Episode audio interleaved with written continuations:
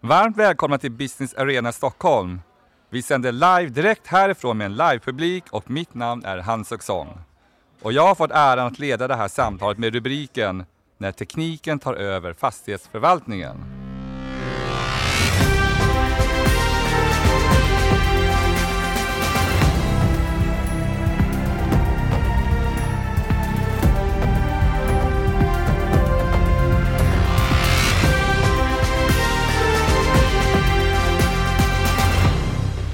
Varmt välkomna till er som sitter här runt bordet. Vi börjar med dig. Ja, tjena! Anton Klintenberg heter jag. Jag är Head of Growth och medgrundare på Planima. Ja, trevligt. Eh, Och hur ser du på det här med fastighetsförvaltning och eh, PropTech? Väldigt spännande. Det händer väldigt mycket just nu. Det finns såklart väldigt eh, stora utmaningar som vi säkert eh, kommer komma in på här också. Men jag tror att eh, vi har väl nått ett stadie där det börjar bli lite mer eh, moget där med PropTech. Lite mer fokus på verkliga use case och värden istället för kanske den teknikhypen som har varit rådande lite eh, inledningsvis. Vilket vi tycker är väldigt bra. Det är det som behövs. Ja, det är trevligt att höra. Och, och du, håller du med om det som Anton precis har sagt?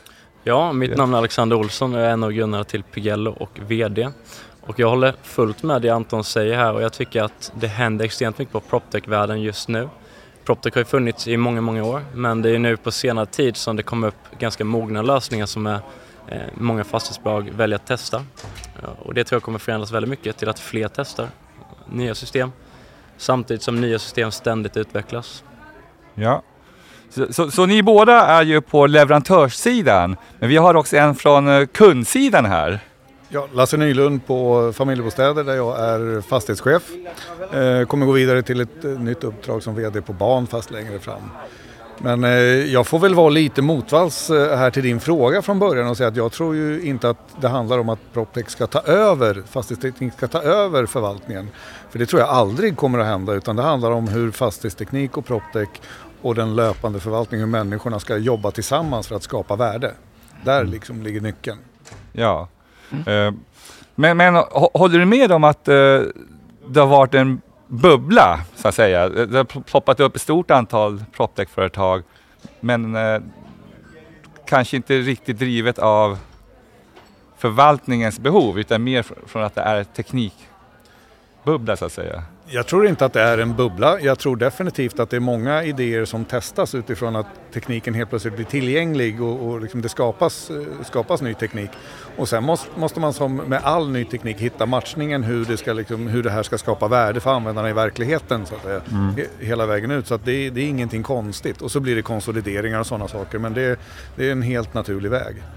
Så att, eh, nej, jag tror absolut inte att det är en bubbla utan jag, jag verkligen tror och hoppas på att det vi ser nu är ett, faktiskt ett paradigmskifte lite grann att gå från, från fastighetsutveckling, lägga jättemycket eh, krut på att bygga nytt och till att faktiskt titta på det som redan finns. Det otroligt stora fastighetsbeståndet och börja jobba mer effektivt med det. Mm. Ja, det, det är härligt att höra att det inte är en bubbla utan att det finns eh, någonting reellt bakom den här eh, revolutionen som vi ser egentligen. En, en typ av teknikrevolution faktiskt. Och jag tänker flika in lite där på det Lars säger här att, att det, är liksom, det är ingen bubbla men jag tror att det håller på att ta fart ganska mycket nu. Och det man har sett historiskt sett är egentligen att fastighetsvärden har gått upp i, i värde över tid. Det som kommer att hända nu det är egentligen att eh, de flesta tror att det kommer att stagnera lite. Eh, då man börjar kolla lite mer på kostnadssidan, vad kan man göra där för att, för att öka effektiviteten, minska driftkostnader. Eh, och då tror jag att PropTech kommer att ta fart ännu mer. Så att det man har sett och det man har testat kommer nog liksom slås ut på den större massan nu fram i tiden här. Där man ser att man kan effektivisera processer med hjälp av olika PropTech-lösningar och system om man bygger det på ett sätt. Mm, Mm, ja, men jag håller med. Vi märker av det i vår kontakt med kunder att det rådande marknadsläget och liksom det sentimentet ger ju mycket mer fokus på just förvaltningen och hitta konkreta värden och göra besparingar i, ja, men, i rena pengar i liksom, den kärnverksamheten som man har. Eh, och det är sunt och jag tror att det kommer driva fram ja, men, både nya proptechbolag och bra innovationer men kanske framför allt tvinga dem eller uppmuntra dem som redan finns att faktiskt vara med där i det fokuset och fokusera mer på liksom, hur kan vi hjälpa till att göra den här kärnverksamheten, de aktiviteterna ännu effektivare snarare än att hitta helt nya use case, helt, helt nya innovationer. Så nu kan vi vara med fastighetsbranschen i det ökade förvaltningsfokus och hitta ja, men, riktiga, konkreta, mätbara värden i, i pengar. Jag tycker det det är sunt. Det är någonting som vi har efterlängtat länge. Mm. Så det fokuset tycker jag, det kommer, det kommer stärka både fastighetsbranschen, göra den mer robust inför framtiden och proptech-sidan också. Tvinga fram bättre, bättre produkter som skapar bättre värden helt enkelt. Mm. Det, även om det är lite skakigt så, så känns lite skakigt så är det någonting som kommer stärka branschen så som vi ser det. Mm. Ja, eh, ni, ni alla är väl insatta i det här ämnet, men för de lyssnare som kanske är lite inte så insatta i det här ämnet, kan ni ge några konkreta exempel på vad, vad är det för värden ni tillför och vad är det för tjänster och produkter som ja, ni arbetar med? Ja, jag kan väl börja den änden då. Jag sitter och representerar ett fastighetssystem som täcker in huvudprocesser i förvaltningen där man pratar både då objektshantering, avtalshantering, hyresrealisering teknisk förvaltning och uthyrning. Och det är någonstans grunden och kärnan i förvaltarorganisation. Så det är en del av en proptech-lösning. Men i det så jackas det in som vi då som Pigelo integrerar mot ungefär 25 andra aktörer på marknaden. Så att proptech är väldigt, väldigt brett och behöver inte vara specifikt just någonting kopplat till en liten kärnprocess utan det kan vara något helt annat. Det kan vara en IoT-sensor som sitter i en byggnad som fångar upp data. Så att proptech är ett väldigt, väldigt stort begrepp som innehåller jättemånga olika typer av system och lösningar mm. och arbetssätt. Och ska, våran syn på det, om man ska abstrahera det lite, så är det just tidsbesparingar och kostnadsbesparingar som är liksom det som vi, som jag tror är de mest konkreta grejerna som vi kan bidra med som proptechbolag. Vi fokuserar ju på det planerade underhållet och ser hur kan vi göra tidsbesparingar i hela den processen och hur kan vi hjälpa bolagen att jobba mer storskaligt med underhåll och renoveringar och få ner underhållskostnaderna. Det jag tror att oavsett vilket eh, område som man jobbar med så tror jag att det är väl de två ja, men besparingar helt enkelt i tid och pengar. Det är väl där man kan få de mest, just nu i alla fall, de mest konkreta mätbara värdena oavsett vad det är för produkt eller, eller nisch just nu. Jag tror att, än en gång, det är bra att det blir mer och mer fokus på att faktiskt kunna hitta de värdena. För kan vi inte hitta sådana värden då, då måste vi fortsätta gräva eller få fram bättre produkter eller hitta tydligare problem att lösa. Ja, det är ju väldigt viktigt att hitta affärs och kundnyttan då hos Verkligen. kunden. Och hur ser du på det Lars? Ja, jag, jag, blir ju glad när jag, när jag hör det som, som eh, både Anton och Alexander beskriver här. För, för eh, kundnyttan är, en, eh, är förstås det som, som gör att vi kan, eh, vi, vi, kan betala, vi får in hyror och vi kan eh, betala det det kostar att driva fastigheterna och så vidare. Men, men grunden egentligen är till det som, det som håller på att hända nu och, och som eh, ni beskriver, är som jag ser det, det är ju att om vi, vi har, familjebostäder har 900 fastigheter, 21 000 lägenheter ungefär. Varje nytt hus vi bygger av de här, en fastighet till av 900, det påverkar vårt bestånd med ungefär då en promille, lite styvt. Så även om den är jätteeffektiv på många sätt så påverkar ju den liksom vår ekonomi egentligen ganska lite om vi vill sänka, vi kan ta energin som ju är högaktuell nu, om vi vill sänka energin, eh, den genomsnittliga energianvändningen i vårt företag, då är inte lösningen att bygga ett passivhus till och sen bara bygga passivhus. Utan det är ju att ta de 900 kåkarna vi har och sänka dem med 5% för då jäklar händer det grejer på vår resultaträkning, det är den ena. Och den andra delen är att det här, eftersom hus är system, så kommer det att påverka eh, även inomhusklimatet och det eh, till värde för hyresgästerna. Så att förvaltning är många bäckar små och det, har varit, det är så många bäckar så att för, för en vanlig liksom, traditionell ska vi säga, fastighetsförvaltare och, och någon som jag, så jag, jag kan inte greppa all den datan utan jag behöver PropTech för att hjälpa mig att få fram vad, vad tusan ska jag göra med alla de här bäckarna små för att få dem att rinna så bra som de ska. Mm. Mm, det, det, spelar in mycket det du sa Alexander också att, eh, att vi börjar nå volymer och de proptechbolagen som finns som fortfarande kanske är relativt små faktiskt nu börjar växa och skala upp.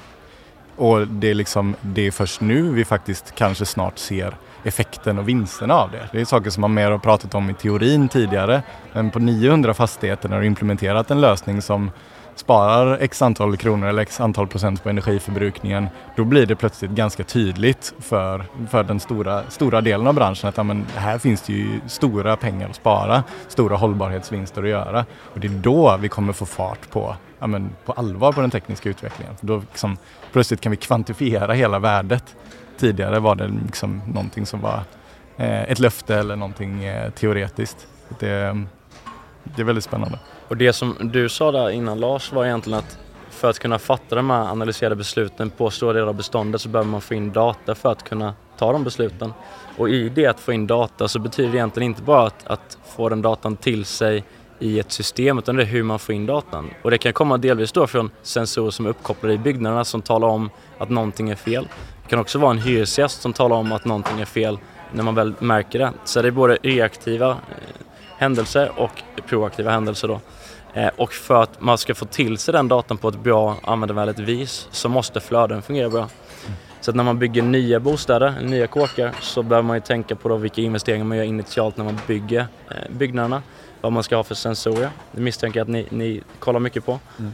Och sen då när man uppdaterar och renoverar en byggnad, hur man kan utrusta byggnaden med bättre system. Mm. Men samtidigt också med kommunikation med intern personal och med sina kunder som är hyresgästerna i fråga. Hur man kan förbättra kommunikationen där. För alla de här delarna som är väldigt breda kommer leda till beslutsunderlag. Och det är lite det du var inne på där Lars. Ja. Och det är det som krävs. Där hjälper Proptech till i olika delar. Ja, det är, det är helt nödvändigt för beslutsfattare liksom, hos eh, fastighetsägarna att, att, få det här analyserbart. Det handlar egentligen om en resursfördelning. Var ska vi lägga krut för att få, få mest effekt? Och det har varit och är fortfarande till viss del svårt i fastighetsförvaltningen. Hur ska vi prioritera våra underhållsmedel bland tusen fastigheter? Eh, det är inte alls lätt. Mm. Det, det, PropTech är ju mycket dataanalys hör jag. Det handlar om att samla in data och analysera data. Men, men någonting som är lika viktigt är att kunna presentera data för beslutsfattarna på ett pedagogiskt sätt. Mm. Hur, hur jobbar ni med det? Det är ju, om man ser på vår verksamhet och vår produkt Planima så är det ju det som är det stora värdet. Man har väldigt mycket data om sina fastigheter och deras underhållsbehov och vad man skulle behöva göra med dem. Men om inte vi kan presentera det på ett greppbart sätt för en person som kanske inte ens jobbar hands-on med fastigheten utan som mer, mer på en ekonomistyrningsnivå eller ledningsnivå. Om inte vi kan få det att funka då kommer det ändå inte hända någonting i verkligheten. Och där skulle jag ge en, en, en passning generellt till många proptechbolag oavsett om det är att presentera data eller att eh, få in användarna snabbt i liksom, verktyg eller produkter, att där behöver vi bli bättre på att göra ännu enklare produkter. Vi kan inte ställa kravet på användarna att de ska utbilda sig i liksom digitalisering och sånt. Det är, det är såklart det är bra om det sker på den sidan också. Men det stora ansvaret ligger, som vi ser det, det ligger på proptechbolagen och även kanske också de mer traditionella systemleverantörerna. Göra produkter och paketera produkter som är enkla att implementera och komma igång med. Där finns väldigt mycket kvar, väldigt mycket kvar att hämta. Enkla att komma igång med och också enkla att se vad är det, vi, vad är, vad är det datan säger oss egentligen? Vad ska vi göra? Vilka besparingar kan vi göra utifrån den? Och där, eh, där har vi som PropTech-kollektiv, eh, där har vi mycket kvar. Det, så är det bara. Jag kan, jag kan säga att jag blir, nu blir jag glad igen, eh, för jag, jag delar den uppfattningen fullständigt. Om man ska, om man ska vara lite liksom elak så är det som, som kund så vill man ju inte liksom bli, ja men du är för korkad för att använda vår produkt, det är inget bra. Liksom det, det funkar inte. Utan det behöver bli så att, så att man klarar av att använda det. Och, och där har ju, om man jämför med fintech så, så har proptech ligger, ligger efter. Mm. Det, det, är inte så många som går på banken längre och skriver under någon slags bankgiroblanketter. Så det finns kanske någon kvar men de flesta sköter det där hemifrån eller via mobilen eller vad man nu gör. Och det, man behöver ta sig till den nivån, det vill säga mycket mer automatiserat mm. och, och, och instruktivt att göra det här, det här, det här. Och så ligger hela analysen bakom egentligen. Och jag kan väl också dela den tanken att fintech ligger längre fram än proptech. Man brukar säga att fastighetsbranschen är ganska konservativ, ligger efter. Det ligger egentligen inte hos kunden i fråga. För man brukar alltid säga att i alla marknader så finns det fem olika typer av kunder. Och det är egentligen innovators som är de som tar fram nya produkter, lösningar och, det behöver inte vara en entreprenör som bygger ett nytt system utan det kan vara någon på ett företag som vill eh, innovera en ny process. Sen finns det early adopters som direkt ser detta, fångar upp det, implementerar. Sen så finns det early maturity som egentligen de som märker att när någon har testat någonting så vill anamma det. Därefter var late maturity som egentligen ser att vi vill inte vara först med någonting men när man märker att den stora massan använder någonting nytt och nytt arbetssätt, då hoppar vi på det. Sen så finns det alltid laggards och det är de som tycker att allt som har funkat historiskt funkar bra och det ska vi inte gå ifrån. Men detta är i alla marknader, inte bara i fastighetsbranschen. Det betyder egentligen att eftersom fintech har legat längre fram så har man presenterat lösningar som varit enkla att anamma för de här olika fem typerna av, av kunder. Proptech är på väg dit nu då. Att bygga användarvänliga gränssnitt är jätteviktigt. Precis som Anton var inne på inledningsvis, det är att det är vår uppgift att presentera en lösning så att man inte behöver vara tekniskt insatt för att förstå hur den funkar. Eh, och det är helt upp till oss som levererar produkten. Mm. Eh, och där kan ju en kund hjälpa till i den här utvecklingen för att säga vad det är som är enkelt och svårt att förstå. Men det är upp till utvecklarna att, att sen då sätta det i verket då. Mm. Så att den ska man lyfta helt från kund egentligen, att det är inte kundens eh, anledning till att vi ligger efter då i, i fastighetsbranschen. Jag tror att, och vi pratade lite grann innan här eh, om, om öppna API och inte de behoven som, som fastighetsägarna kommer ha, de kommer, att, de kommer vara skiftande hela tiden.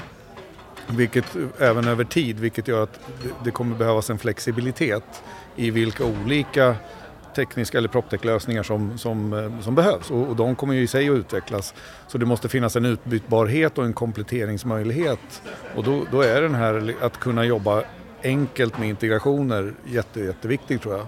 Och det, det, är ingenting som slutanvändaren ska se men man, man ökar helt enkelt användbarheten av, av det system som används. Mm. Det är det man tänker mycket på när man, det, det ni sa tidigare att den stora besparingspotentialen finns hos de existerande byggnaderna. Men de har ju redan existerande system och att då koppla till en ny lösning på ett existerande system, är det en flaskhals idag? Ja. ja, jo men det är väl ganska allmänt känt att det har skett en viss inlåsning och det är en väldigt stor teknisk skuld där med eh, många av de systemlösningarna som finns idag. Och det är ju, nu kan jag bara utgå från, från våran verklighet när vi pratar om liksom, våran produkt, våra kunder det är ett stort hinder för oss eh, beroende på då vad man har för systemmiljö idag. Det kan vara väldigt, väldigt svårt att implementera en ny lösning som man är helt säker på att man kommer få ut stora värden av. Man är redo på alla sätt. Men det är ett sånt stort projekt att byta ut, och byta ut det gamla eller få det att funka med det gamla. Så där, där finns hindret. Liksom. Så att, ja, jättestort problem. Uh, än, än en gång ligger, ligger det uh, också hos leverantörerna skulle jag säga och löser det på ett bättre sätt. Men där kanske kunderna kan vara uh, lite mer kravställande på, hos sina befintliga leverantörer. Och liksom försöka få eh, bidra till att luckra upp det där lite grann. Få den här flexibiliteten och modulariteten som vi behöver ha. För som det är nu så är, funkar det generellt inte superbra på den fronten. Det är lite för inlåst eh, eller alldeles för inlåst. Där, där har ju vi som fastighetsägare också en, en hemläxa i och hur vi räknar på det där men vartefter som det går att visa på liksom, eh, ja, faktiska effekter, eh, referenscase, så kommer det bli enklare för för oss som är då mm, liksom lite tröga i den här rörligheten och, och räknar på ett ganska traditionellt sätt. Ja, men vad, vad, blir det för effekt? Hur vinner vi mm, på det här? Så att, eh, och, och, det kort och gott så många av dem när, när man byter ett fastighetssystem för ett större fastighetsbolag det, det påverkar hela bolaget och en jätteinvestering och eh, nästan all personal är involverad i det. Så att det, det, det, det är en smärta att byta det och har man då investerat all den tiden och de pengarna då vill man vara säker innan man tar, tar nästa steg. Eller innan man byter helt enkelt. Mm. Jag tror att det ligger en del i det. Eh, och jag som sitter som leverantör då på just ett fastighetssystem vet ju det att kunderna är ganska duktiga på att efterfråga öppenhet i form av att koppla ihop olika system. Och för de som inte är jättetekniskt insatta så ett öppet API betyder egentligen att man kan koppla på och koppla av olika system till sitt befintliga. Och det betyder också att anledningen till att det ligger mycket legacy det är egentligen att tekniken har inte varit där riktigt i form av att man har inte anammat det i just olika leverantörer. Att man har försökt stänga in kunden, stänga in kundens data för att det ska vara svårt att byta system. Och på så sätt så har man byggt in sina kunder i en gammal teknik så att nu när det kommer upp jättemoderna fina proptech-lösningar som man skulle vilja anamma så blir det väldigt, väldigt svårt. För att det går inte att koppla på så enkelt. Om det inte enkelt går att koppla på så lägger man egentligen ansvaret hos kunden, att kunden ska lösa det. Och det är fel. Man ska inte lägga ansvaret hos en kund. Kunden jobbar med Eh, att bygga nya eh, bostäder eller förvalta befintliga. Eh, och de ska inte jobba med systemutveckling utan det ska vi som leverantör göra. Mm. Och det, det kommer väl drabba, eller vår, vår spaning är att det kommer ju drabba de lite mer traditionella inlåsta aktörerna om inte de ändrar på sin modell snart. För medvetenheten om det här hos kunderna håller på att bli så stor om just det här med inlåsningen och eh, slutenheten och problemen som det, det hindret som det utgör för innovation och effektivisering när medvetenheten når en viss punkt där, eh, då blir det svårt att behålla och få nya kunder om man har det tänket. Att, eh... och jag tror att medvetenheten är väldigt hög eh, och börjar bli, precis som Lars säger, att det är inte att man inte vill ha ett nytt system i alla lägen utan det är att man måste få med sig flera hundratals medarbetare på resan. Eh, det är inte bara att byta ut ett system över en natt och, och, och sen köra igång med något nytt utan oftast handlar det om att man byter ut olika arbetsprocesser för att just effektivisera. Ett systembyte ska ju leda till någon form av kundnytta som effektiviserar och sparar någon kostnad. Eh, så man byter inte till ett likadant system egentligen utan man, man måste förändra ett arbetssätt. Och det kan vara en stor utmaning att få med sig en mängd användare som dagligen sitter och jobbar i, i befintliga system. Mm. Där är vi tillbaka på användarvänligheten igen och hur viktigt det är. För det kommer man inte få med sig den stora massan av användarna om det inte är någonting som upplevs väldigt enkelt och intuitivt att jobba i. Så är det bara. Det, det måste bara vara så enkelt. Det är den klassiska det... “What's in it for me?” Alla måste kunna få ja, något verkligen. av det, lite enklare. Så är det verkligen. Mm. Ja, så att det, det var väldigt trevligt här att få lyssna på er proffs. Eh, både från leverantörssidan och kundsidan. Och, eh, min uppfattning det är ju verkligen att PropTech har enorma värden att tillföra fastighetsbranschen. Eh, och, och eh, det är egentligen bara en tidsfråga innan kunder och leverantörer möts. Både för befintliga byggnader och nyproduktion. För att, eh, vi har sett det på fintech, vi har sett det på e-handelssidan där man har kopplat ihop eh, e-handelslösningar med befintliga affärssystem i fysiska butiker från början var det två helt olika språk, men nu, nu funkar det. Så det, det, kommer, jag hör ju det, medvetenheten här om att behovet finns. propter kan leverera enorma kostnadsbesparingar men också intäktsökningar. Investeringar blir värda och då kommer man, lönsam, jakten på lönsamhet kommer ju leda till att kunder och leverantörer möts. Nya system kommer möta befintliga system på något sätt. Är det några slutord ni vill Eh, framföra. Jag tycker du sammanfattade väldigt bra där, att medvetenheten finns. Eh, du säger att man kommer mötas, jag tror att man har mötts i många fall, så att det pågår ett stort förändringsarbete hos många fastighetsbolag och förvaltare eh, och hos många proptech-aktörer. Så att jag tror att man vet som leverantör att fokus ligger på att vi ska leverera någonting som man ser kundnyttan i. Eh, och fastighetsbolagen vet också det, så att jag tror att det kommer förändras en del över tid nu när man märker att man måste få in de här systemen för att tänka på kostnadsbesparingar eh, med allt som sker i världen. Håller helt med. Nej, men det, är, det är en spännande tid. Det finns eh, väldigt stor potential. Som sagt, mm. Eh, passningen tycker jag är till produktbolagen. Bygga riktigt bra produkter som skapar konkreta värden och som ja. är väldigt enkla att komma igång med. Mm. Så ja, stort tack till er alla som deltagit i samtalet. Det här samtalet har spelats in inför en livepublik här på Business Arena Stockholm. Tack så mycket. Tack. Tack, Tack så mycket, välkommen.